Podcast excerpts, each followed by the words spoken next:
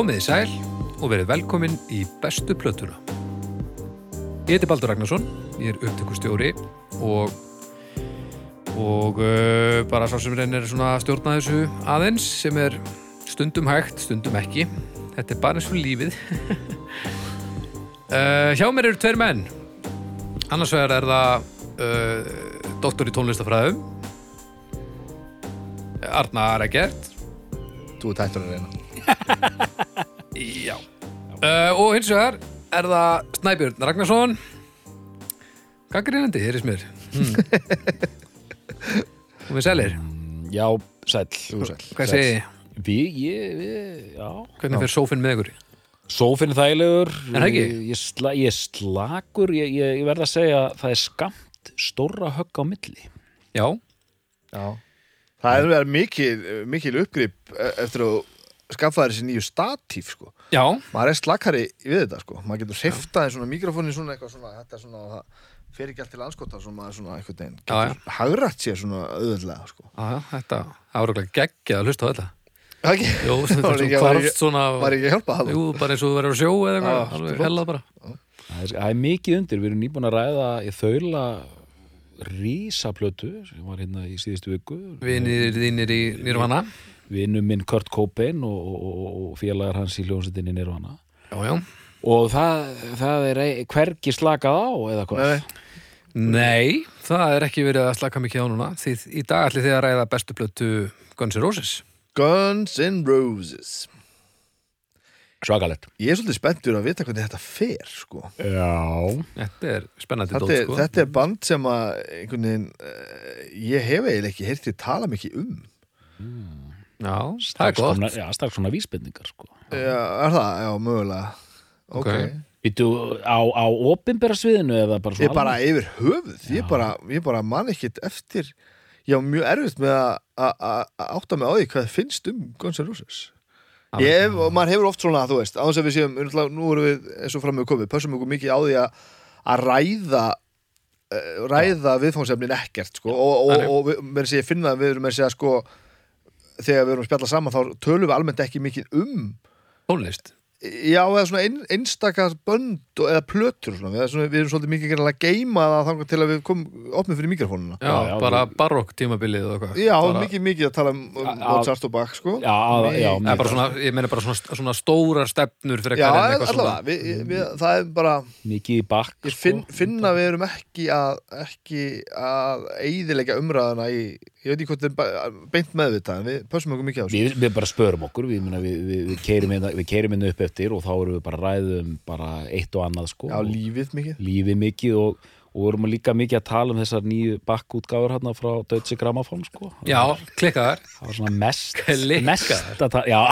klikkast Klikkaðar. veistla erun en sko, en ertu líka vísi, mér finnst þetta mjög gaman, mjög spennandi að hérna, það kemur ekki svona póstur frá Arnari klukkan 5 á, á föstu degi, þú veitur þetta geðvöld lag? Það á, er á svolítið það, Facebook. sko, já, líka það, sko. Já. Ertu, ertu að spara því því núna? Nei, ég, ég fór alltaf inn að hugsa, ég, ég set kannski stundum svona ACDC lög á föstu degi bara, er þetta geðvöld lag. Já, já. Það voru sumir, ég var búin að heyra að því að fólk var að fara að lesa í út frá Facebook-færslinu mínum hvað var í næsta þætti eða, Já, þú varst þar aðeins fann að tísa að einhvern tíma manni og alltaf að dett inn svona sem- þegar þú varst að undirbúða fyrir þáttinn þá bara, nei, heyrðu, djöfull er þetta geðvett lag og alveg ótengt öllu. Já, ég, það er satt skemmtilegt. Já, það. smá, frábært, smá tí sko. Það, var hérna en ég menna, þetta er bara, þú hefur þetta eins og þú vilt. Þú er doktorinn. Já, ég, hérna, ég var næstu bara að tísa eitthvað núna, ég það, var, eitthvað sem ég ætlaði að setja inn sko. þá var ég mikið að hugsa um þetta sko. En, en, en, en, En já. en, en, en, en, en, ok, já, lestastjórin áður en uh, áður en við förum eitthvað að fá nánar upplýsingar um hvar þú stendur í þessu öllu saman þá vil ég bara fá svona byrjunar hugleðingar þínar, Snæbjörn. Besta platan með Guns N' Roses er Appetite for Destruction. Já, uh, sem er náttúrulega held ég frekar svona viðteki viðteki sko, held að fólk svona almennt það sé nú ekki margt sem að hérna eh, ekki margi sem að halda ykkur öðru fram. Þetta er náttúrulega uh, það er svolítið mikið þannig sko. Já. Eh, ég er nú með þetta sjálfsögðu hérna svo venjulega. Uh, bæði Appetite og, og hérna og Generalize sem við tölum svo meira um á eftir. En það sem er kannski áhugavert er það að ég er hérna með Appetite plötunum mínar allar þrjár. Rólegur þrási. sem er nú eitt eitt, eitt væri nú þetta væri alltaf einhverja svona hérna, einhverja svona, einhverja djöfisins svona mismöndi pressur ég held að þetta sé allt saman sama pressan. Flottur. Ég held að þetta sé allt saman sama orginal franska pressan. Aha, má ég eina? N- ég- við ræðum þetta á eftir. En, það, já, en ég, ég, ég var einmitt að býða eftir að kæmi inn af hann rítskoðaða pressan, en Þetta það er allt- ekki. Þetta er allt Þetta er allt drittskoða Þetta er allt- Nei, nei, nei, þetta er allt orginal pressan Þetta er- þetta er sóða Þetta er sóðaútgáfa Þetta er allt saman góður Já. sem er mjög fyndið. Þetta er hana, sem sagt, náttúrulega eh, þetta sem að sko allur heimurinn þekkir frekar er hérna svarta útgáfa með krossinum hana, sem að hauskúpu myndindar þeim eru. En þetta er hérna útgáfan hérna með eh, þetta málverk hérna með þessu, þessu hnífa eh, rauða skrimsli sem kemur hérna yfir yfir grindverki og er að fara að ráðast á, róbótan sem vantilega er búin, búin, nýbúin að, misnóta þessa konu sem liggur hérna einhvern veginn Já. í, í hérna með, með nærbuxur á hælunum og, og, og, og meðutundalös svona hálfnækin, þetta er náttúrulega ógæslegt Þetta er sko. algjör viðbjóður sko og þetta var náttúrulega bara, þetta var bara held ég bara bannað, ég held að það hefði bara verið þannig þeir þurftu bara að bakka með þetta sko.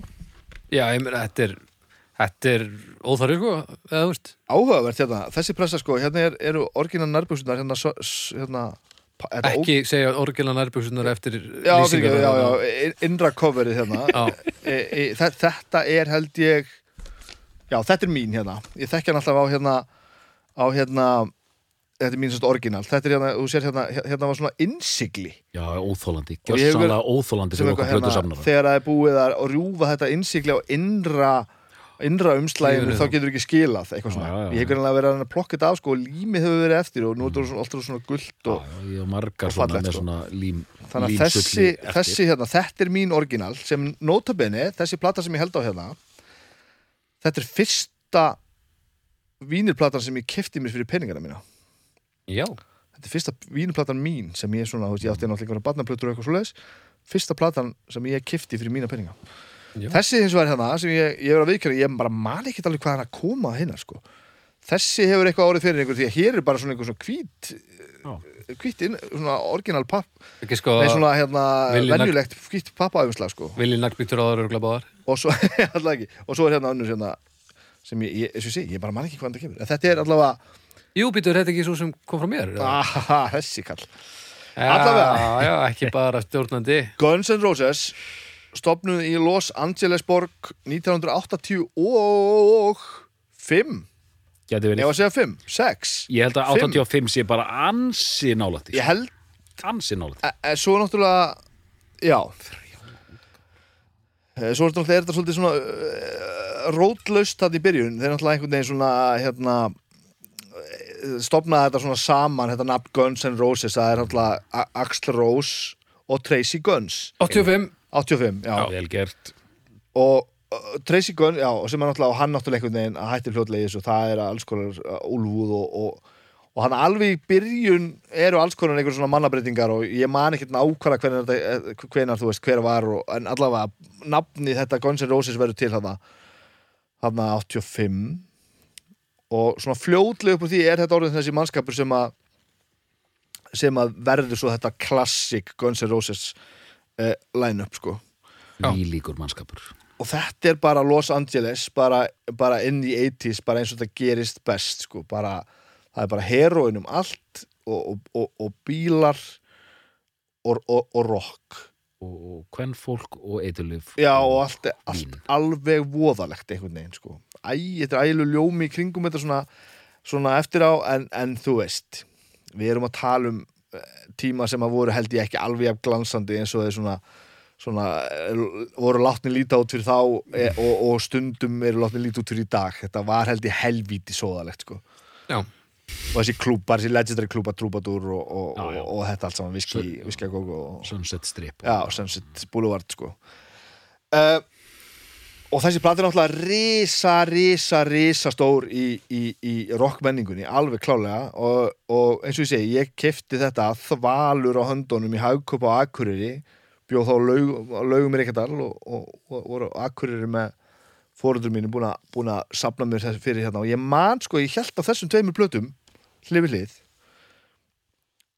Genelize og Appetite og var var að velja sko hvora ég myndi kaupa. Þannig að veist, þetta, þetta er þá vandalega sko kemur ekki sko læs út mjög seint 88 þannig að þetta geti verið sko að, að þetta sé jáfnvel bara einhvers það bara í byrjun á 89 eða eitthvað. Hún kemur út í november, lok november 88 já, þannig að þetta er kannski öðru, öðru megin þá við sko Mediocre. öðru hverju megin við hérna, sjáðu það svona, hérna á, á þessari Já. genið læs er Já. svona ógetlegt innsigli frá skífunni. Einmitt, þetta er óþólandi, þetta er eiðilegur hljómplötu þessari fæst ekki skipt já, já, sé innsegli hennar rofið. Og ég, en ég man nefnilega að, þarna hafa þær ekki verið plastar. Þarna hafa vínirplötu verið seldar opnar. Það er ekki svona, svona sringrapp utan um þær. Algjörlega og ég man þetta vegna þess að einn aðal ástæðan fyrir því að ég kifti Appetite en ekki þessa gena læsplötu var það að hérna á innra byrði þessara plötu hérna Mm. er kona sem er eiginlega bara alveg allsbyr og það eru bara brjóst þarna.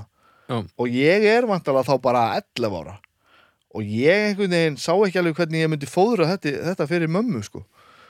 Nei, þannig að hafa pínu partur að því að ég ákveð keyptir- kaupa hina kefti bara robóta þetta er bara teiknum- nöðgunarkofrið þetta er bara teiknum Og þá vi, vissur ekkert hver munurinn á plötunum var. Jó, Þetta var ég, bara, ég, ég, jú, nei, hver munurinn var þannig Nei, ég vissi það ekki alveg, sko. Ég vissi að lögin sem ég þekkti voru á Appetite, sko. Ég þekkti það cover, sko. En þetta var samt eitthvað svo spennandi. Og ég var alltaf, var alltaf bara krakki, sko. En hins vegar fór ég með þessa plötu heim og hlustaði á hana alveg viðstöðlust í headphoneum að spabba, sko. Fyrsta platan sem kaup er og þú ert nýjára Nei, ég hlýt að vera, sko Ég hlýt að vera tíu Já, ég er tíu ára.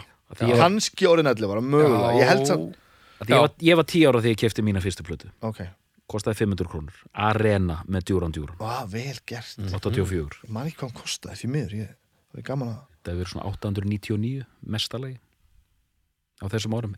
Jú, plötur kostu 799 Já, getur verið. 699, 799 Og hvað er það mikið á, á, í dag? Kostar, myndi þetta kosta 5900 eða eitthvað. Já, en svona með vísitölu og... Ég ekki að því. Allavega, eh, og, og náttúrulega þessi ferill þessa, þessar hljómsveitar er náttúrulega ofbáslega merkilegur. Og veist, þetta verður náttúrulega mm, verður sko þeir eru náttúrulega bara útigangstrákar Mhm. og þeir leigja hann einhvern, einhvern, einhvern húsnæði í, í æfingahúsnæði og byrja að æfa og þeir eru bara, þeir búa bara þar og þeir einhvern veginn bara sofa bara undir trommusettinu og, og það er bara einhver svona einhver tvæð þá dínu sem sofa til skiptis og, og þú veist, það er alltaf partí, alltaf, gjössamlega non-stop. Og þetta er bara allt í einhverju ógeði. Og þeir eru bara svona bara svona bróðis en arms, bara öxl í öxl að semja þessa músík og, og einhvern veginn spila þetta allt saman og haldandi tónleika og eitthvað og svo bara til þess að gera langa sögu stutta þá einhvern veginn bara fá- fáður einhvern plötsamning Mhm. og gefa svo bara út þessa plötu sko og hún er náttúrulega svolítið lituð af, af nákvæmlega þessu. Þetta er bara algjört brjálæði. Og myndin sem ert að skoða þannig aftan á af þeim þú veist, þeir eru bara þeir eru bara eins og einhver hræ. Veist, þeir eru bara blekfullir upp, upp sprautaðir og bara, þú veist þetta er, þetta er ótrúlegt að sjá þetta. Sem er náttúrulega líka bara kristallist í því að þetta náttúrulega heldur ekkert út. Bandið náttúrulega bara hrenur í sundur í rauninni eh, mjög stuttu setna þeir náðu að gefa út þannig að þessi plata kemur út 87 Mhm. svo gengur mjög erfilega að gera eitthvað meira. Það túr eitthvað pínu þarna og þetta, fer, þetta, bara, eh, þetta er bara allt í einhverju steik. Já, og, og, Bara- og svo, svo á bara þú veist, og, og þeir eru náttúrulega brjálaðislega frægir. Og þá fylgja þessu eftir og, og sko að, þegar það eru alveg bara einhvern veginn úrkula vonar hann á plötufyrirtæki að það sé eitthvað að gerast þá, þá gefa þær út þessa GNN Nice-plötu sem er sko titlu sem plata nummer tvö. Já, en en hún er eiginlega bara epi og, og fyrir þetta hún er mjög skrítið þetta eru átta lög. Eh, helmingur sko A-hliðin er eða G-hliðin, alltaf G og R-hlið er, er sko, er ekki, er ekki eh, man ekki hvað var á hvori hlið? Já, að ég meina, eitt er bara gömul plata og, og sen er fyllt upp í með einhverjum nýjum, fjórum nýjum lögum sko. Já, G-hliðin, Guns-hliðin er hérna, það, það er sko það, það er einhver svona tónleika útgáfur sem er ekki tónleika útgáfur þetta er bara einhverjir vinnir að fagna eitthvað þú veist. Og, og það er sko feik hérna það er feik áhörðarhljóð er það ekki þessi hérna Live Like a Suicide sem kom út á undan Jú, hún kom, ke- kemur út á undan, sko. Já, kom út á undan Appetite sko. Já, hann er henni bara, og henni er bara skellt hérna á alliðina já, en og, og, og svo er þessi fjögur legendary hérna kassagítaslög sem Já. er sett hinum einn hvað lögur þetta aftur? Patience, Used to Love Her, uh, You're Crazy og One in a Million. Mhm. uh, og náttúrulega One in a Million þetta, þetta náttúrulega Rafmagn í því. umtalaða lag sem, að, það sem hann uh, er að segja syngja um niggers og, og, og, og hérna faggots og svona alls konar sem að gera náttúrulega verkum hann var allt brjálað, eðlilega. Og, og það lag ætlum ekkert áneinum endurútgáfum og svona sem er, veist, gott. Og þetta er einhvern veginn bara þeir taka bara þessa, hérna, þessa, þessa tónleikablötu og, og skeita svo einhverju öðru og gefa þetta út og höndla, Geffen gerir þetta sérst allt saman og þeir höndla útgáfan af þessu eins og breyðskífu hún, hún gefur út þessu breyðskífu sér plata. Hann er fyllt eftir sem slíkir og hún, hún, er, er svo langt frá því að vera einhver breyðskífu sko. Það er bara að vera að stoppa upp í gatið. Og, er ekki að býða lengur. Og svo náður að drullast þess að gefa út sem sagt plötulóks þetta 91 durgla tvær plötur. Þá gefa þær út þarna User Illusion 1 og User Illusion 2 og súplata er gerð sko e, og það er eins lítil rómatík í, í kringum gerð það, þeirra plötu eins og það er mikil rómatík í, kringum gerð Appetite. Mm. af því að þar eru þau bara allir inn í stúdiói á fullu að búa til músík, allir snargeðvikir náttúrulega Axl Rós söngvar er náttúrulega sko, pöttubrjálaður maður. Hann er alveg ha- ha- hann er, hann er ekki til aðeins með hann, ekki neitt. Og hefur aldrei verið og mun aldrei verða og, og það er svo óbúslegi talent og menn eru gössamlega snarbilaðir og hálf döðir og dópi og þetta er bara Já, þú veist, þe- þetta er, þetta er, þetta er fáránleg saga. Já, já, og, og, og, og einhvern veginn kemur þessi appetitplata út og það, er- það er bara allt á miljónandi geðveikt og þeir bara ná einhvern veginn að taka alla þessa geðveiki og allan hennan talent og alla þessa spennu og, og bara nákvæmlega á toppnum þá ná er að sprengja út þessa blötu í þessu usual illusion dæmi þá bara þá eru þau bara svona einhvern veginn á einhverjum dreggjum og bara á einhverjum hnefa og tala ekkert saman og eru einni hverju sínu hotni að semja sér lög og í stúdiói og eitthvað og, og það fyrir svona tvennu sögum að þið af hverju er ákveð að gefa tvær plötur þegar hún komið með ægilega mikið efni á meðan sko að þegar þeir eru að gefa út appetite þá eiga þið bara þessi lög, þetta er bara lögin og þau fara bara plötuna á fuck it sko Mm. og við kannski komum betur á tracklistanum eftir hann er svolítið merkilegu sko uh, og það er ákveður að geta bara sett allt á plötuna og þetta sé allt frábært. Og það komið svolítið að þess að við erum að tala um í síðustu viku við erum að tala um tvöfölduplötunar þó þetta sé nú ekki eiginlega tvöföldplata þeir eru tvær. Usual Illusion 1 og 2 hefði þið geta verið frábær plata sem ein. Já, og það er með sér til útgáfa af henni sem er ein plata. Ok. En, en, en hún er pínu það er eitthvað skrítið við þá útgáfi líka sko. Hvað er þetta í heldina, 20 lög eða eitthvað? Það var meira jafnvel. Ég finnst þetta Í meira. heildina, sko Nei, bara bara fyrri já, telur sko 16 lög 76 mínútur og þú veist þetta er bara algjört bull en að því sögðu þá urðu þessar plötur á, á voru æfintýralega stórar sko. þær fóru bara beint á, á, í sæti 1 og 2 á öllum vinsaldalistum, setni, öllum setni 14 og 75 mínútur þetta passa, 76. það passa samt ekki sko, því að þetta gefið út hún er bara cirka 40 mínútum inn á, á breyðskjöfu sko. það er náttúrulega miðað á, á geisladiska markaðin ég, ég held að séu sko með tvöfaldar vínil hvor sko? Eh, það var ein, hún var einföld sem sagt, Use Your Illusion 1 og hún var einföld Use Your Illusion 2 vínil, komin út af einum vínil, vínil og öðrum vínil ok, Eitt, einn Ok. einfaldur vinill og, og annar einfaldur vinill þetta er ekki einhver þú það getur verið.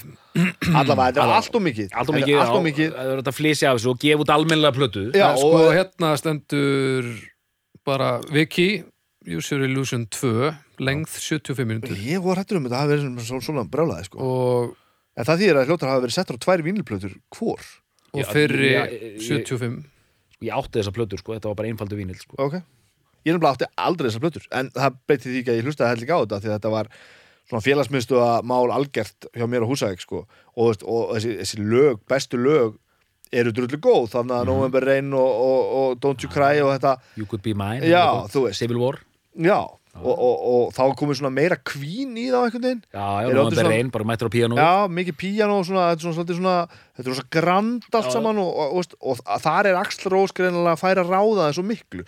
Af því að hann er svo mikill listamaður hann vil hafa þetta svo, svo stort og grand og brjála allt saman sko, á meðan það var bara ég ekki tími í það hérna, þú veist.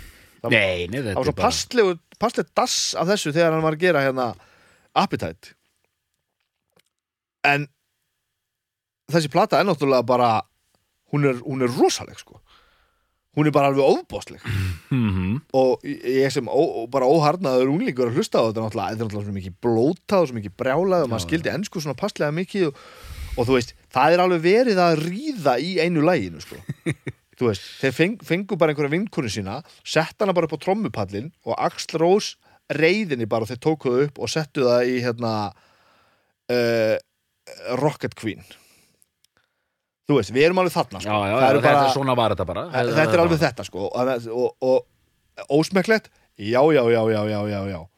Hættulegt og áhugavert fyrir vikið já, já, já, já, já, já. Að það er þetta er stór hættuleg plata. Hún er stór hættuleg. Þetta er sko, já, veitu þú, þú ert ennþá að pæla í lengdina á þessum plötum Já, bara svona að reyna að sjá hvort ég segja eitthvað um þetta og, og ég sé ekkert í flótu bræði og...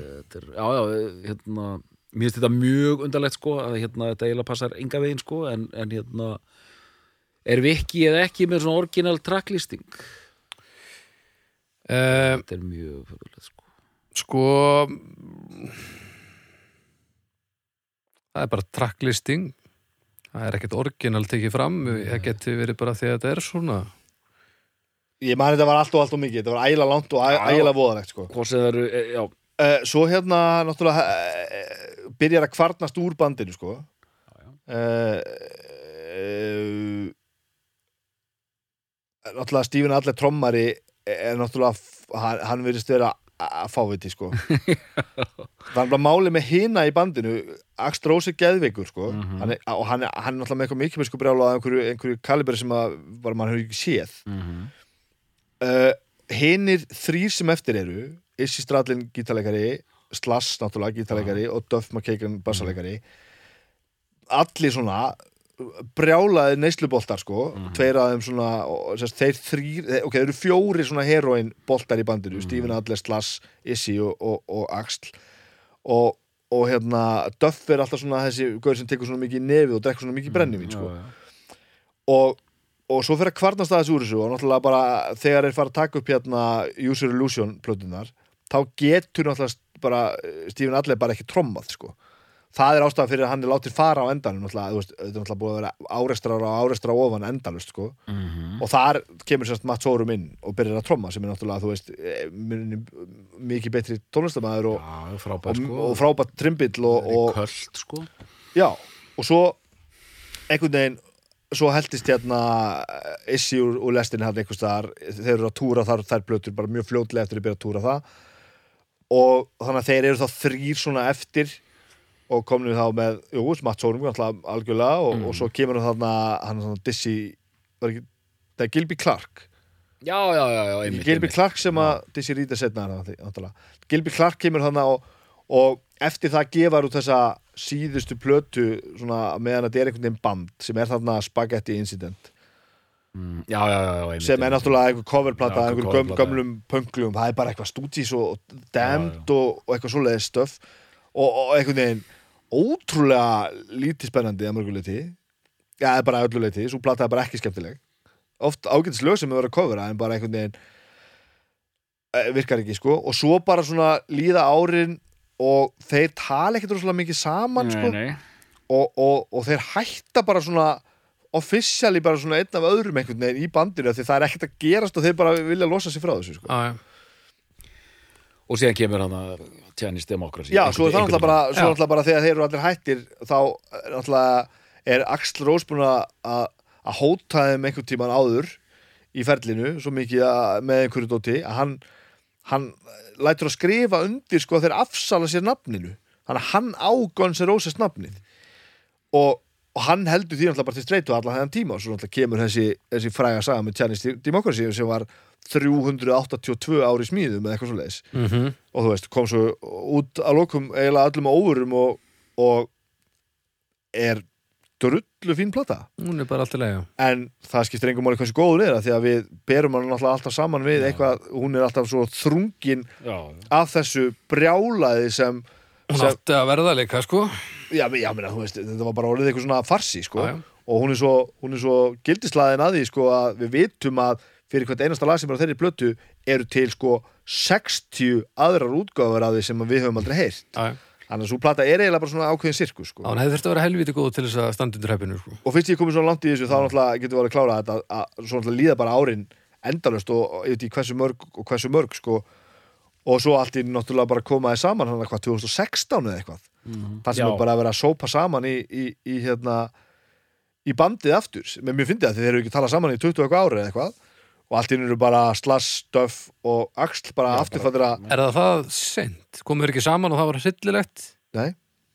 Svo byrjaði hann að syngja með ACDC og það var frábært og svo komu þeir aftur saman og það var frábært Nei, ég held að þetta alltaf er frábært Þetta er, Ah. allt, þetta er allt sama comeback, ég held ég sko Og var það? Af Já, hverju, held ég af hverju minnum við eins og að þetta hafi verið alveg hryllilegt á tímabili? Ég held að þetta hafi aldrei verið neitt sérstaklega hryllilegt nema bara, sko, e- þetta var ég sá, sá Guns N' Roses spila 2002 Mm. og þá er sko Bucket þetta að spila á gítar og bara, þú veist, bara einhver ægilega klárir gaurar eitthvað svona. Já, og, og þú veist, og, og það var bara rosa gaman en það var ekkert meira en það, þú veist, þetta var bara svona eins og eitthvað kofuband og einhver einhver svona einhver svona 60% axl að syngja þetta þú veist, það var bara svo það var sko.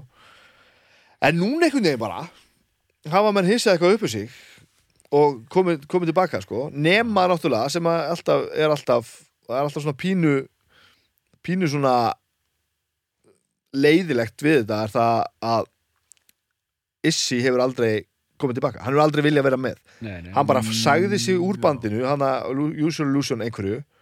Ég man ekki hvað gerði svo hvort þið væri með einhvern, voru einhvern aflýsinga gítarleikara eða einhvern djöflin eða einhvern sem datt allavega úr skaftinu. Mhm. Og hann tók eitt túr með bandinu eftir að hann var hættur, bara til þess að redda þeim sko. en þá, tú, þá bara ferðaðist hann bara sér og talaði ekkert við og þeir, ég held að sé ekkert samband alltaf milli sko. Já, mjög dulur maður verið stöðra sko. Og hann bara- honum hann var alltaf bara rétt að segja döður á, á, á neyslu Mm. og það er eins og hann hafi bara lokað á þetta og, og, og, og ætli bara ekkert að daðra við þetta málun eftir aftur sem að er, það er einhverja stóra kvati þar á bakvið að því að þú veist þessi túra sem við erum að taka núna þetta lítur A að vera ógeðslega gaman B djöfull farið mikið borgað. Það held svo ekki að borga sko Issi sko nei, þessi, þessi ljósmyndaði þessi svona uh, fallega þvældir. Sýndu mér, sýndu mér svo mynd. Eða fallega hérna? ónýtir. Já, ég er, já, já, já, Fall, já, já, já. fallega, fallega ónýtir. Hérna, eru alveg hérna sko. Hérna er aðeins eldri myndaðum henni geðin að læs þú veist, hérna eru ennþá þú veist svona þurfa já, já, eru svona, að- þeir eru aðeins feskari hérna sko. Aðeins sko á hárið svona Það aðeins pínu- uppsett sko Já, það er, það þeir, þeir döðru við glísið sko. Þeir, Já, glysið, þeir, þeir, þeir, fóru á svið glísaðir sko alveg nokkur sinnum. En, en svo, svo hérna skutu við það í kaf sko. Og eh, græða náttúrulega mjög mikið á því svona í retrospekt sko að- að að Guns eru töff uh, Mötli Krú eru ekki jafn töff en einhvern veginn gengur það svo langt glistrast allt, sam- allt saman að þeir svona einhvern veginn svona það er að tala um það í einhverju alvöru af því að, að, það var svo mikið brjálað á bakviða en svo er restin bara poison sko. og það er bara astanlegt á meðan að Guns eru bara dörrullu töff þeir eru bara með, með, með kúlnabelti og í leðu ekka sko. það er töff Kúrikastífil og, og Jack Daniels já, ég man sko þegar ég eh, ég man þegar ég sá já, þegar maður var mjög ungur. Ég man þegar ég sá Welcome to the Jungle vídeoð í sjónvarpinu bara. Er það ekki hérna live-vídeóið? Jú, og þá man ég sko, ég tók eftir þessu, man, mér fannst röddin hérna, svona skrítin og há. Og mér, mér fann, ég tók eftir söngvaran og hann var svo- svolítið flottur sko og hérna, en þá man ég að hárið var svona uppsett sko, það var svona glamhár. Já, sem man ég svona hálfári se- setna, þá sá ég vídeoið með hérna hérna Paradise City. Já, klúturinn og já, þá var klúturinn sko Já, og þá já. eru menn konum með slett hár sko og mér fannst þeir miklu, miklu flottari þannig sko Já, já, sem við voru sko. og Síðan það er er- svona ímyndi sem að maður, maður, maður sé fyrir sér sko. síðan er svona alveg sko góðsagna kent, þetta er á YouTube hérna, þar sem þeir eru með tónleika á The Ritz já, já, það er náttúrulega þetta var sínt í sjónvarpinu ekki? sem er bara þú veist, geðveitt rock Mhm. bara er, þú veist, allt, allt stóru stafir sko. ég, hérna, ég fór á tónleikana með Guns N' Roses í, á lögðarsvelli Já, ok, tók dóttu mína með mér og hafði gaman af. Já, og ég er þetta mjög mildur og ljúfur og, og bara gaman að þessu í dag. En, en eh, þú veist, þið, nú þetta leiðarstefinu kæru hlustundir og, og bræður að það er alltaf aldurinn, það er alltaf þessi ár. Já, já, þú varst, Þeir- þú varst orðin hundgamall á þessum Ég var árum. hann hund gamall sko. Að þið, Þú veist, þegar ég reyndar, þetta er 88 sem skal þetta gerast, þegar ég er 14 ára. Já, þá er ég bara að hlusta á nýbylgju sko. Það er bara Smiths og Rem og hérna Mary Chain. Já, Þannig að þetta passaði þetta enga megin inn í það nei, nei, nei. Og ég man eftir einhverju sko Þetta er nærðið að vera Halloween heldur en það, sko. Hvað sér Þetta er nærðið að vera Halloween heldur en Já. það. Þannig að fyrst, ég man eftir að ég var að tala um einhverja stelpu sko í bekknum mínum og hún, þú veist, þetta samtal okkar á ga- ga- ganginum í, í árbæðaskóla bara lýsir þessu fullkomlega. Að hún bara svona, hún var svona stelpa hérna, svona rockari sko, við vorum, hvað vorum við gömul, 14 ára, 13-14 ára bara. Ó já, ég elska Guns N' Roses, það er æðislegir. Slass, hann er svo mikill sjúklingur. Ó, eitthvað svona ég, ég var þetta svona algjör nörd og bara svona, vó, einmitt, ég fekk svona bara, ú, þú veist, þetta var of mikið rock fyrir mér, þetta var of hættulegt. Já, Þetta var stórhættulegt og, og ég var bara eitthvað svona að hlusta á Smiths og hún bara horfði á mig og sagði bara, Jesus Christ, hérna, finnst þér þarna boy with the thorn in his side, er þetta að fíla þetta? Þetta er ömulegt, sko. og ég bara svona, í. Ég bara í einhverjum svona, hérna, þverrándutum ból að reyna að vera einhver indie-töffari, sko, og hún bara, hérna, að tala um hvað slass var mjög sjúklingur, sko Já, og ég, ég vissi ekki eins og hvað sjúklingur var. já, var ég, en ég vissi ekki eins og hvað sjúklingur ég bara, ég tengdi ekkert við það að þetta var eitthvað svona slang sko. Nei. sjúklingur, var hann spítala þú veist, alveg glataður sko. Og hérna en, sí, en síðan fer þetta bara í gang og hérna bara mjög skömm eftir þetta þá, að því vorum að tala með því síðast að þetta ég er að hérna, þetta er á svipun tíma sem sagt, ef við förum yfir sko þá er þetta, þú veist, Nevermind með Nirvana kemur út og þá er hérna Júsir Illusion-plötunar kom út og það er rosa spenna fyrir því líka því Já, þetta er rísa band sko, allir bara og ég man mér þess að eftir þegar hérna þegar, og þá er ég aðeins meira, ég man þegar hérna hérna, You Will Be Mine var held ég fyrsta smáskjáin sko, sem kom út, cirka bát sko. Já, það og getur ég, passað. ég man að ég bara, ég man að ég fílaði þetta lag sko, bara, "Ah, þetta er alveg flott sko. En ég misti dálítið af þessu þannig sko. En síðan gerist það einhvern veginn að það er svo mikið af lögum á þessari plötu sem er spilað svo ógæslega mikið í Já, útvarpi sko Já, að maður bara tek, maður tekur þetta bara sko. ég ætla bara næstu í helmingur hafi farið sko or, orðið singlar sko en, en ég var aldrei sem sagt, ég held að það sé þá bara ég var aldrei svona sko, ég var aldrei fan svona sko, þú veist, þetta var meira til hliðar sko. Fimm lög singlar. Fimm lög? Já. Af tólf sko. It's So Easy, Welcome to the Jungle. Sweet Child of Mine, Paradise City, Night Train. Búmsa Þannig að þú veist, bæði sko, ég var aldrei aðdándi þegar þetta er að gerast og síðan þessi þetta sorglega sem ég held ég hef upphottið að nefndi þessi þáttum að ég verð mjög fljótlega algjör svona nörd að því leitinu til og svona prófessor að ég er alltaf að kanna hlumsutir svona, hmm, kannski ég kaupi mér að live after death með Iron Maiden því þar er gott yfirlit yfir feril þeirrar mætu sveit Já, já, já ég er bara honum sem Jakob Fríman hérna að- kynna mér Iron Maiden. En þetta er alltaf einhverjum þannig forsendum sko. þannig að strax 90 þá, þú veist, maður er um 17, 18 ára og þá er bara svona að vera að kynna komin á sér. einhvern stall. Já, bara svona, já, kynna sér þetta. En, en svona löngu setna ég er búin að tæma alla nýbylgjuna og, og, og, og neðarrokkið og postpunki og allt það.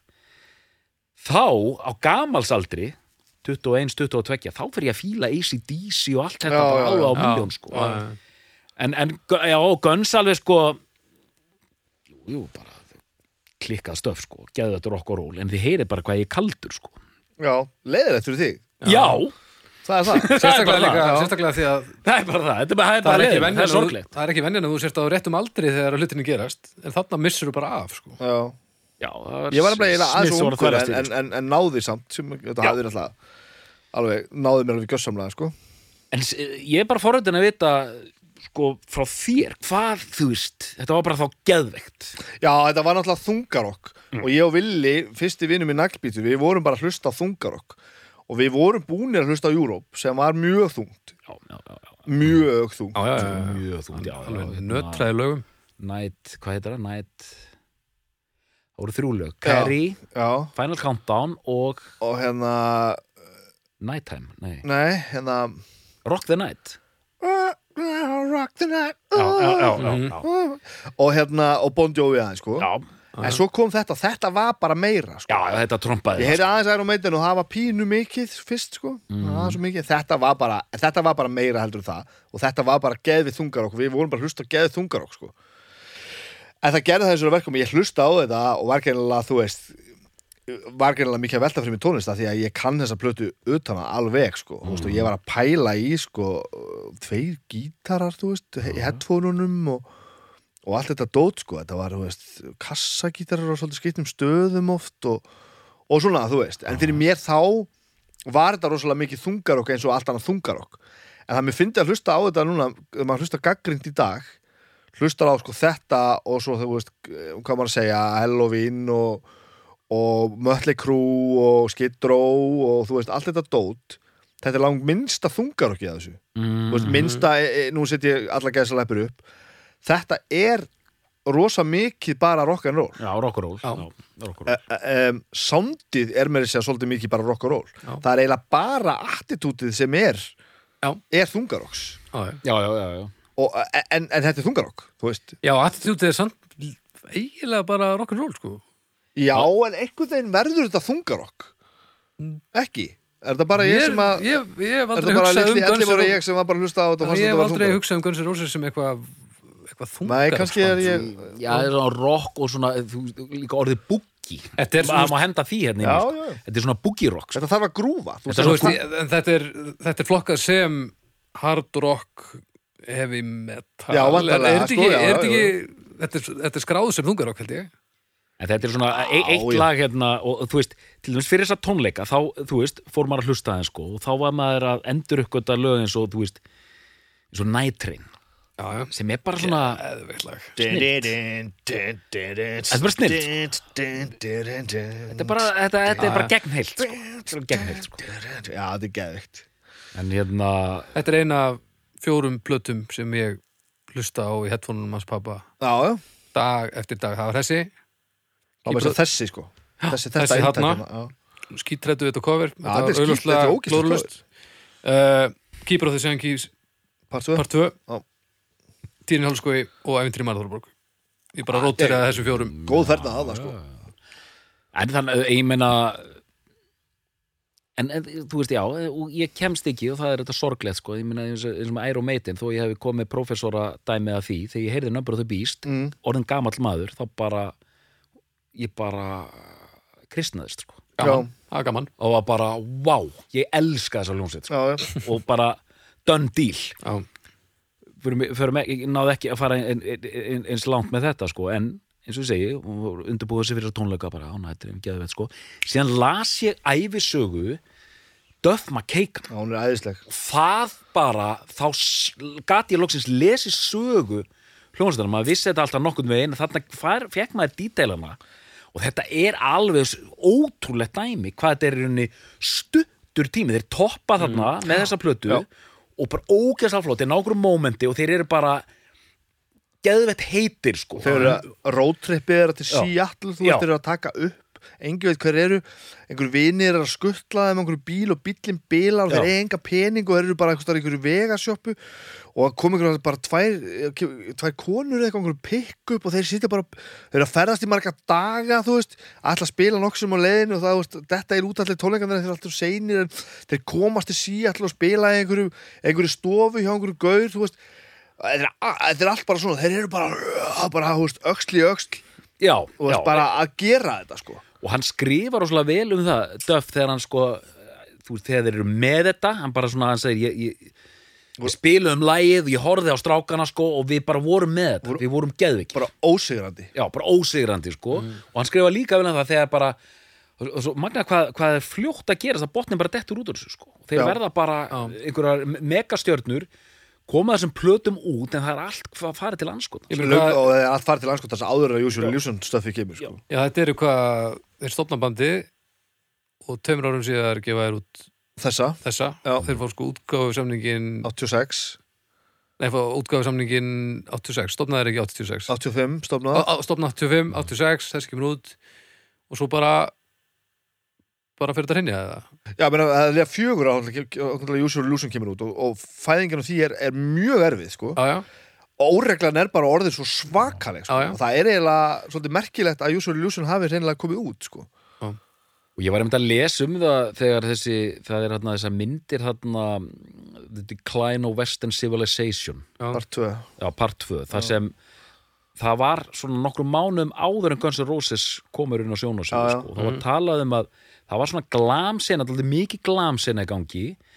Að þegar þeir koma þá koma þeir með nægilega mikið svona motorhead krydd í sér. Hættulega element. Já, bara svona straight rock. Já, já. Það er alveg nákvæmlega þannig það er nógu mikið móturhjól í þeim sko bara svona, og þú veist, þetta er rock, þetta er rock og roll Já. og þetta er sannfærandi rock og roll sko. Já, já. þetta er bara svona bara, you guys rock sko. Það er einhvern megin og hérna minnst líka gaman ég, ég þekki bara þá sögu ekki nóg vel. Það er að bak við eða hjá mér að fara að kynna mér það almennilega, hérna Hanoi Rocks. Já, finnska. Finnska hljónsveitin sem átti vist að hafa verið þetta var bara svona Guns N' Roses undan Guns N' Roses. Já, já, upp á lúkið að gera og músikinn og eitthvað svona. En það þekkir enginn þetta band í dag sko. nei, það hvaðan þeir eru að taka þessi áhrif sko. Vince Neil hjálpaði nú okkur ekki þegar hann þegar hann þegar hann, ke- Já, já. þegar hann keir- keyrði söngur aðeins til bana náttúrulega Vers og síðan sko það sem þeir eru að dyrka líka er enn á undan, það er hérna New York Dolls sem var hérna á 8. áratugnum og Gaur hérna sem var í New York Dolls, Johnny Thunders. Já, já, að þau, veist, eh, hérna hann, hann er hérna hvað sér grótært Já, Issi Strallin, hann dyrkaði Johnny Thunders, af því að Johnny Thunders var alltaf með þetta heroin hérna, waste, hérna beautifully wasted hérna, já, já, já.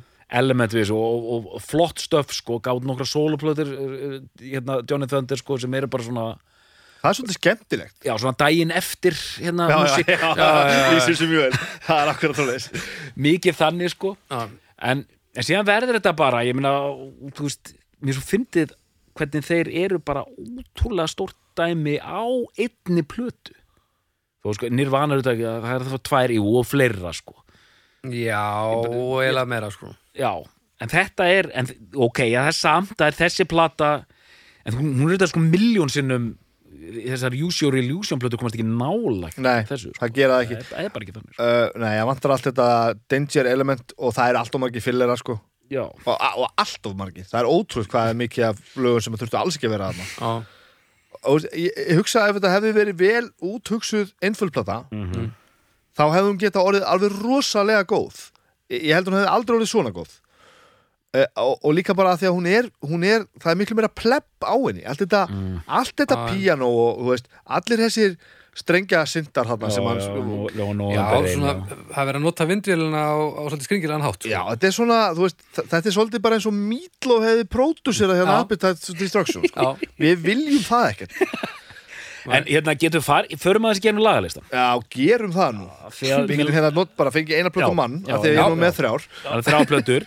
Og heyrðu það þráinn, sko, allt sama eindagi sko, það er sko Málega það, hann Bibbi hann á sko, hann á 200 plötum með Guns N' Roses.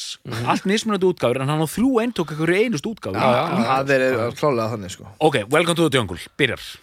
Stórkostlegt lag. rosalega gott lag. Það var Geðveitt, Og, geðveitt og lag. bara, þú veist, já, það en, er... sko, en það er fyndið að ég er að átta mig á því núna í rauninni í fyrsta skipti Já.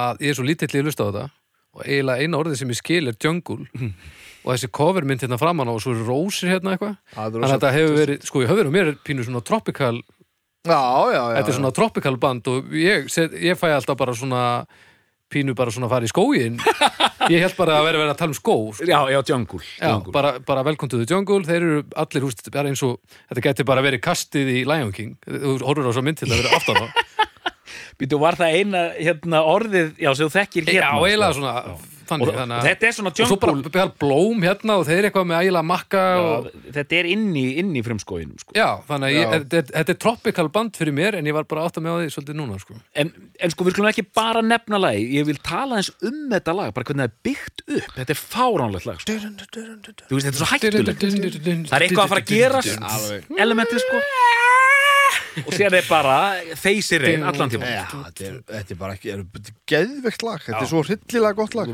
Vel samið lag, sko. Já, já. Sér rúla menn í hérna og það, eitt vinnu minn kallar hann. Ma, eitt vinnu minn, Maggi, hérna sjátt á því Maggi, hann er, hann er mikill gönsmaður og hann tala alltaf í mikill lotningu um Axel sem maður hinn að þúsund ratta Já Að því hann alltaf Ég- skipt um það- söngstíl, það- Já, aðalega með þessa tvo sko Þannig að sem er hérna niður í eitthvað Já. Þetta er ótrúlega vald sko Og svo einhvers staðar upp í raskati Og, og þú veist, það er ekkert rosalega margi sem komast upp með að þennja sér svona mikið og verða ekki bara eins og einhverjir titlingar sko. Já, já. Þú veist, hann, er bara, hann er bara í alveg að syngja svona. Og bara púla það sko. hann er upp í raskati the Jungle. En síðan kemur þessi gaur hérna. It's so easy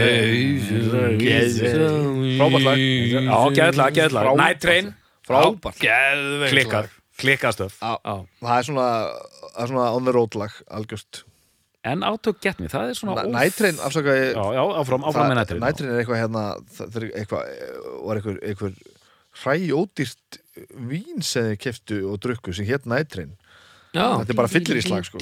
Drukku þetta bara, þetta var ódýrast sem þið fengu held ég sem bara drukku úr einhverjum svona kútum.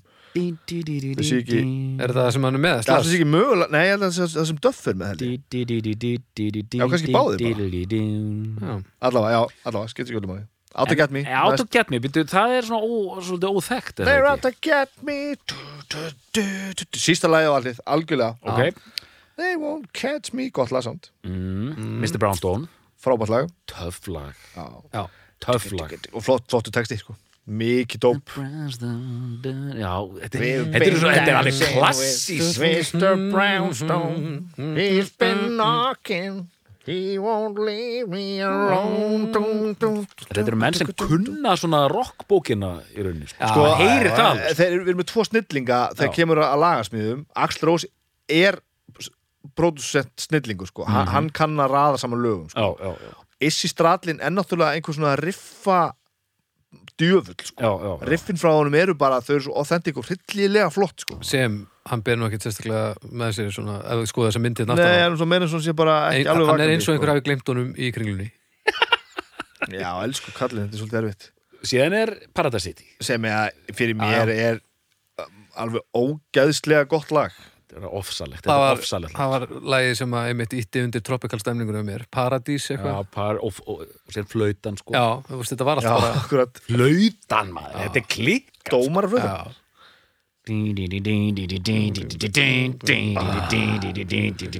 Og þessi, þetta íkoniska byrjun á læginu sko, þessi feysir og þetta það Sem gerir lagið er Slass vildi ekki hérna vildi ekki hérna kórus effekt á hérna á byrjuninni. Hann hérna, heyrði það bara að búið að mixa plötuna brjálaður. Sí- Síðan var allir að tuða yfir því að þeir hann að doppul trökk, eða ekki doppul þess að edituð aftur inn trómundar Mm. þess að það kemur hann að stoppið í Paradise City. Já, sem komur trómundar aftur. Já, já, já það var tvöfalt breyka sen aftur. Og allir að þið áttu að spurja mig maður. Þið spurðu mig ekki. Já, já, já, alveg rétt, já, já. Mjög fúll út af- já. þið spurðu mig ekki maður og rétt. og bara, já, já, já, whatever. Ok, My Michelle er það lagi kannski það sem að var að, var að ríða gælunni? Já, já, ég man ekki hvort það var okkur kvinna My Michelle er svona, einmitt, það er þetta boogie-woogie feelingur sko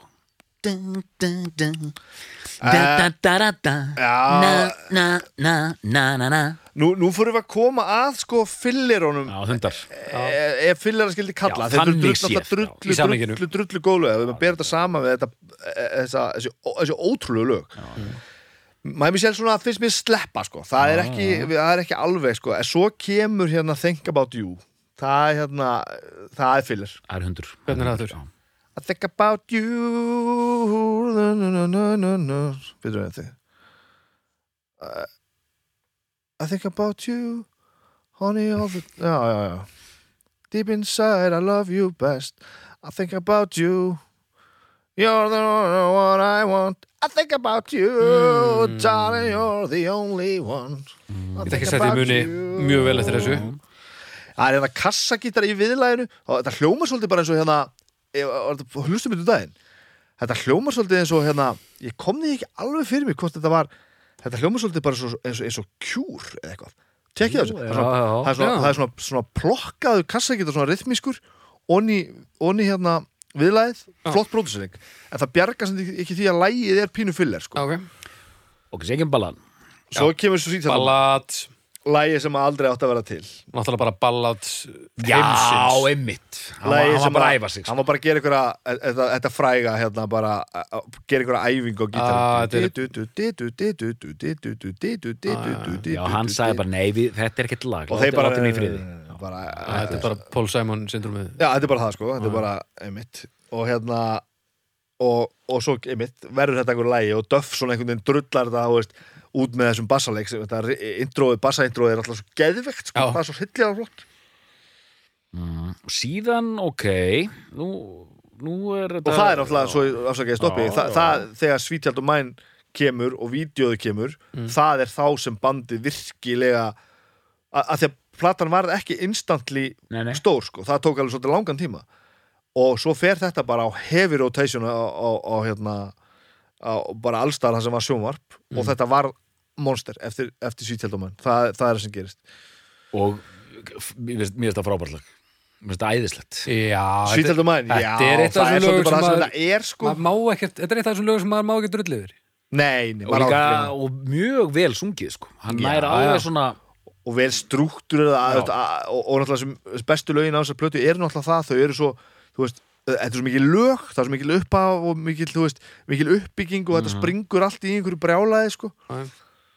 Ok, síðan er skrítið. You're crazy. Mér finnst Ég ég ég eiginlega man ekkert eftir þessu sko.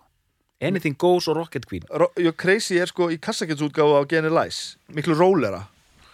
You're fucking crazy. Eh, eh, eh. það er hann nærregsturinn að syngja. honum vel ég er eiginlega ég, ég, er, ég, ég er axl cover maður sko. Ertu Axl Íslands? Ég er axl Íslands.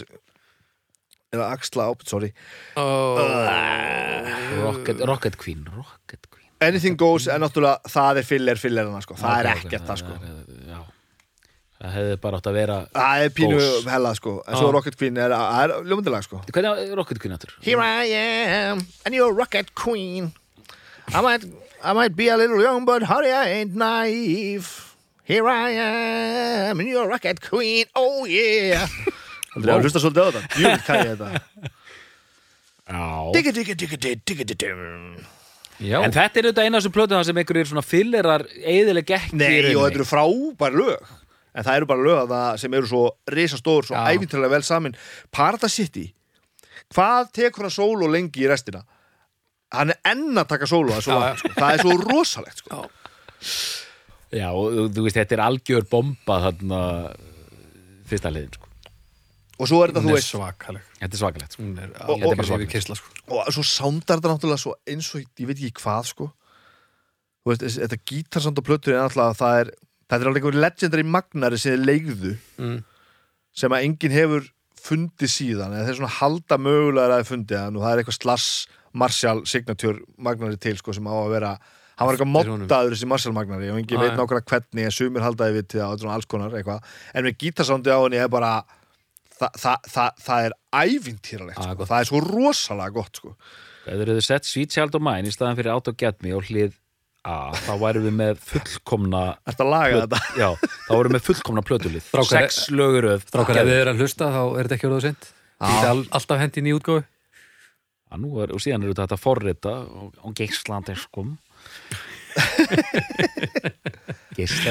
það ekki, er það ekki eitthvað Það var eitthvað? En eins og heyri, ég er ég er, ég Ég ætla að fara að kalla á uppgjör. Nei, strax. Býttu hvað Hvað meni? Þetta er, þetta er þetta effekt. Seinni þátturinn er alltaf svo fljótur að líða. Nú, er, nú finnst mér í alvöru eins og við sem bara tala 20 minnur sko. Já, ég held að við séum ekki búin að tala í 20 mínútur eða úst, við erum búin að tala meir en 20 mínútur. Ég veit ekki nákvæmlega hvað mikið En við erum búin að tala í meir en 20 mínútur Við getum ekki hægt að tala alveg strax, er það?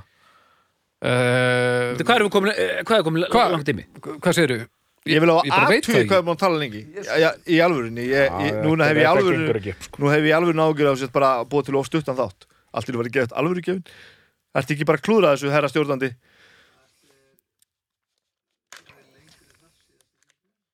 Hvað rugl er þetta maður? Tjúvileg gaman Við erum rétt að hérna Þetta getur ekki verið maður. Djúvill, er þetta ógeðslega fyndin mynd á þeim? Þeir eru svo, þeir eru svo sturlaði sko.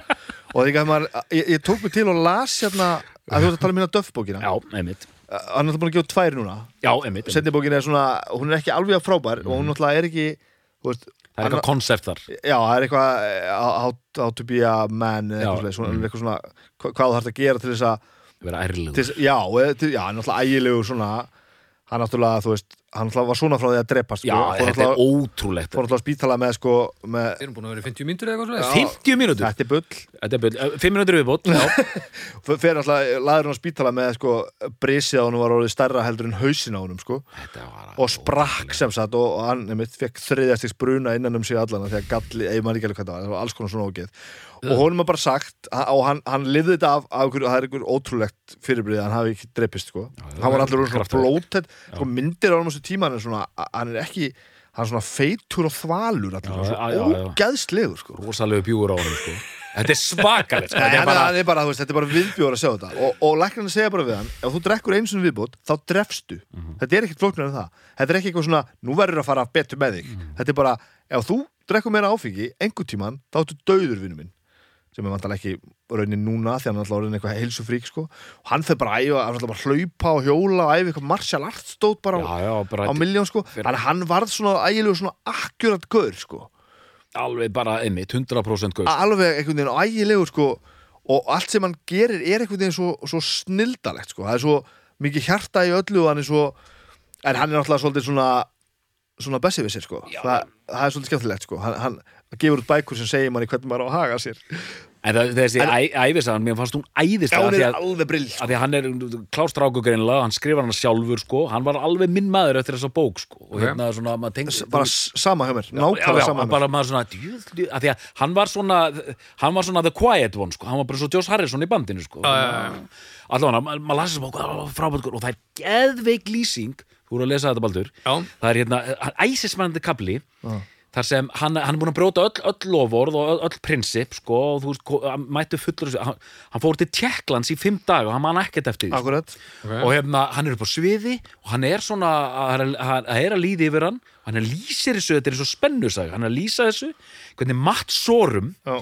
hjálpa honum í gegnum lagi já, sko. já, hann lýsaði sko Matt bara svona horða á hann bara já, þú getur þetta, þú getur þetta og var svona að tellja hann alltaf inn sko og meðan hann er bara hérna á bassanum alveg út af aga sko. og þetta er, þetta er alveg greinlega mjög stórt mál vegna þess að hann var alltaf orðin algjör öfgamaður í öllu en hann segist, segist alltaf hafa geta spilað hann passaði alltaf upp á að hann geti Já. spilað og þarna bara gat hann ekki spilað og þetta greinlega sittur bara í honum sko. hann bara þarna var eitthvað vendipunktu bara þarna fór ég yfir eitthvað streiks sem ég ætlaði aldrei að fara yfir sko.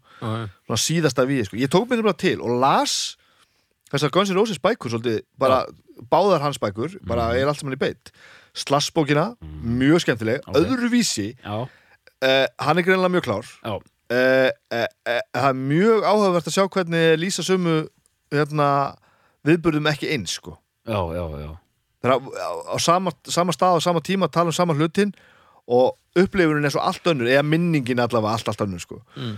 Uh, svo las ég unofficial hérna, Axl Rósöguna sem hann gerði hérna, hann hérna Mick Wall já, sem er með Joel í hérna, Dead Rockstars Já, podcastinu. Já, frábær, hefur lesið hana?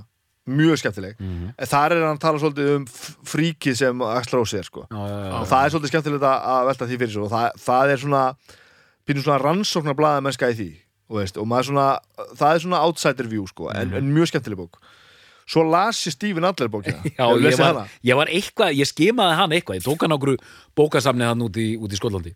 og það, ég las hana síðast af saman og það er náttúrulega þú veist man, eftir að hafa lesið hinna bækuna sem eru allar svona virkilega svolítið mikið, mikið bara með þetta sko Já. þá er þetta svolítið bara eins og að lesa bók eftir apa þú veist. Hann er alveg voðalegu sko. Já, hafði ekki séð hann hérna Jú, með það- kjálkan. Jú, það fekk náttúrulega strók sko. Hérna, síðan með kjálkan hann fekk heilablóðfóllur öllu lamaður öðrum megin sko. En líka, kjálkin líka til því hann, hann, hann, hann tók eitthvað rosalegt tripp og var að- byrjar að lemja sko kjálkanum í eitthvað marmara sko. það, já. og gjössanlega rústaði kjálkanum sko. Já, ok. Og bara, og er hérna well, and I was, og maður er bara svona og hans líf verðist bara vera það bara, að, bara þetta, þú veist, þegar maður dettur á hestinu verður maður bara að standa upp og fara upp á hann aftur og halda áfram, af því að hann er bara alltaf að mistiga sig fullur, Mhm. Já. dópaður eitthvað að gera, einhverjum fólki sem hún þykir vænt um eitthvað og allt í einhverju rugli, sko Mm. og sagan segir að það er reynd að sko inklúta hann í þessu, þessu hérna comebacki sko og Já. hann var alltaf bara handlisbrotin eða ekki í formi eða gæti ekki spila og, veist, en, en svo kom hann og, og, og spilaði að einhver tvö lög að einhverju giggi eða eitthvað Mm. ha, ha, þú veist, hann getur alveg trommað. Já, já. þetta var ekki træðilegt og ég meina á þessum tíma er hann gæðilega capable trommari. Og þessi, þessi plata er æðislega tromm Já, já, já, já. þetta er bara svona og þú veist, þetta er svo dónalegt sko, hann trommar trommar eins og dóni. Og því heldur þú þurfa að vera dóni til að tromma svona dónalega. Þannig að þú veist, það er eitthvað stórkostlegt við hann. En, en sagan er óbústlega og og eftir að hafa lesið hann frá svona mörgum sjónahónum sko, og slass náttúrulega snabrjálaðar að drepa sig á heroinni sko, alltaf að hætta cold turkey. Bara, bara sprauta sig bara eitthvað ákveði lengi og bara á og bara fer eitthvað til Hawaii eitthvað og, og leiði sig bara eitthvað garskála og er bara þar bara í fjóra daga bara og svo allt í raun er hann hú veist, búin að hlaupi gegnum einhver, einhverja glerdyr og komin allsbyr út á ströndina veist, þetta er svona og það sem ég er að, er, að koma að með þessu öllu saman er það að þetta er svolítið eins og mölli krú og það er dört og það allt saman. Nema þessi gauðra er ekki fávitar Nei, nei, nei, nei, nei. og það er, ég held að og Já, núna kem ég já. að punktunum sem ég er búin að, ætla, búin að stefna mjög lengi að koma Mhm. að Klukkutíma. ástæða fyrir að þessi, þessi plata hérna er svona hryllilega góð Mhm.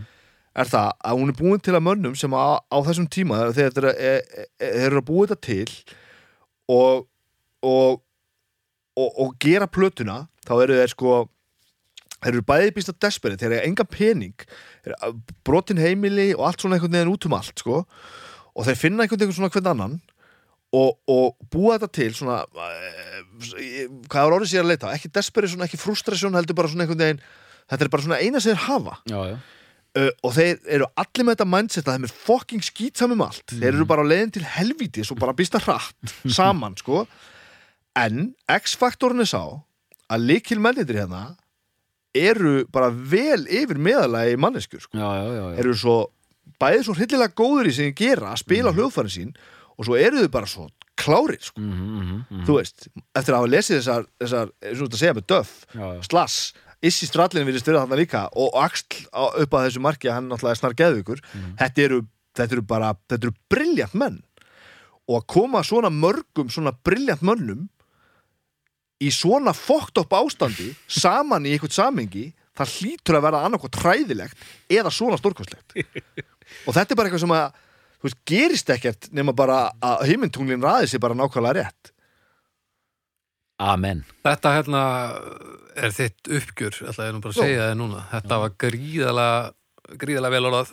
Doktor? Já, ég bara ég bara samála öllu uh, mér finnst þetta, þetta er svo magna líka hvað þetta er íkonist band, ég meina dótti mín sem er 15 ára núna Mhm.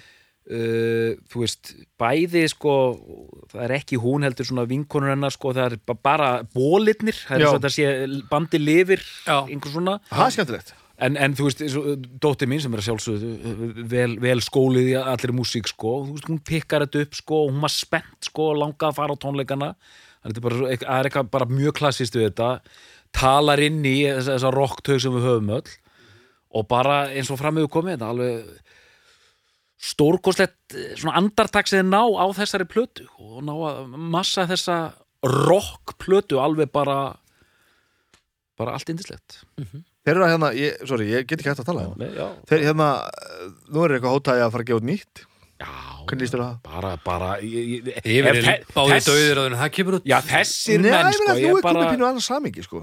Ég, ég, ég, ég bara elska þessa menn sko. Ingarún hérna, vinkona mín, gef henni hérna sjáta að hún tók nú símavittali slass einu sinni þegar hann var að keira bandi sitt hérna sem ég man ekki hvað heitir akkurat núna. Velvet Revolver, eða Snakebit. Uh, Velvet Revolver. Já. þannig að bara þumlar upp, kæra fólk. Já. Gaman að því. Spenntur fyrir nýju efni. Já, alveg bara, já, það, ég vissum þeir hafa aldrei verið betri, uh, nei, ok Það talaðum um þessi hliðaprótið eins og þú varst að tala um hérna eh, Velvet Revolver og þetta allt saman og snakebit. Sne, Já, Snakebit. Mm -hmm. eh, Sóloplátarnas, nýja, nýja sóloplátarnas McKagan, Já, hlusta á hana. Já, heyrðu, ég, ég ætla að gera það. ég hef hérna kift hana einmitt út, hann er frá Seattle hann kemur náttúrulega svolítið skakt inn á, inn á þá, þá hérna ég var út í Seattle um daginn og hann er gerðilega alveg svona alveg svona uh, hann er he heima af allar favorit sko, þeir, þeir elska hann sko. Og hérna risastóri fánar hann á honum í plötubúðunum og svona. Og hérna og, og þetta er bara svona country rock plata. Þar sem hann er bara að syngja sjálfur bara eh, ekki droslega vel. En lögin eru æðisleg og hann er einhvern veginn svo mikið með þetta og hann er bara eitthvað svo glæsilegur. Og það sé ykkur einu svo viðbútt, djöfulli gaman. Ég heyrði nefnilega Addi í sólstöðum. Hann var í, hann var í útásvittali hjá Matta held ég. Hann var að segja mér sögur og sér hann er mikil döffmaður, Addi, Já, já. gríðalegur og gönnsmaður alveg út í gegn. Og hérna og nú er ég, nú er ég að hafa eftir sögur sem ég heyrði Adda segja í útvarpið. Og hérna Gott útvarp. hvort þeir eru ekki að spila bara hér eða eitthvað. Og Addi er hann bara á bakvið, örugglega með brainpulse eða eitthvað? Voru ekki brainpulse hittu fyrir góns mm, Jú, jú, Já, þeir bara, og, Ég held ég að heyrt eitthvað um það í morgunþættinum. Og þeir, hættu. Og þeir eru hérna eitthvað hann á bakvið og allir sér, Addi sér bara Duff McKagan. Og bara, hann sagði, er náttúrulega sjóaði maður, bara túrt um allt og hitt alla og svona og svona lætum menni vil bara í friði, þetta er svona ást þetta er hætt að vera, en hann bara, þetta er fucking Duff McKagan ég verði einhvern veginn, veist, að segja eitthvað við hann bara og kannski fá myndið eitthvað. Og hann tekur eitt skrif í áttina á honum þá tekur hann þetta risastóra svartamanninu við hliðan á Duff sem horfir svona á hann og gerir svona. Hristi bara nei. svona örlítið og þurfti ekki að gera neitt meira og allir bara bakkaði og þá fattaði hann líka eitt sem að líka má ekki glema þessi menn eru eilíða rock íkon sko. mm -hmm, Já, A- að vera Slash, að vera McKagan að vera Axl Rose þetta er, þetta er bílastatus sko. Þú ert ekki að fara að lappa upp að Blessa, blessa það bara hann fattaði það bara Já. já. það er enginn að fara að labba Nei. upp að Duff McKagan og segja það er að, takk fyrir tónlistina Takk fyrir Paradise City maður þetta var svona reality check bara, já þessi gaurar eru já þetta er þannig, já, akkurat já. á ég segi, djók Ertu hættur? já, ég þarf ekki að hætta, mér, eða- mér þykir ógeðslega vænt um þetta band en, en já. Já. ég skal hætta Þannig að Snæbjörn Já. Er þetta besta platta Guns N' Roses? Já. Doktor, er þetta besta platta Guns N' Roses? Það að segja spagetti incident er að sko. Já Við þakkum fyrir í dag og við heyrumst að viku liðinni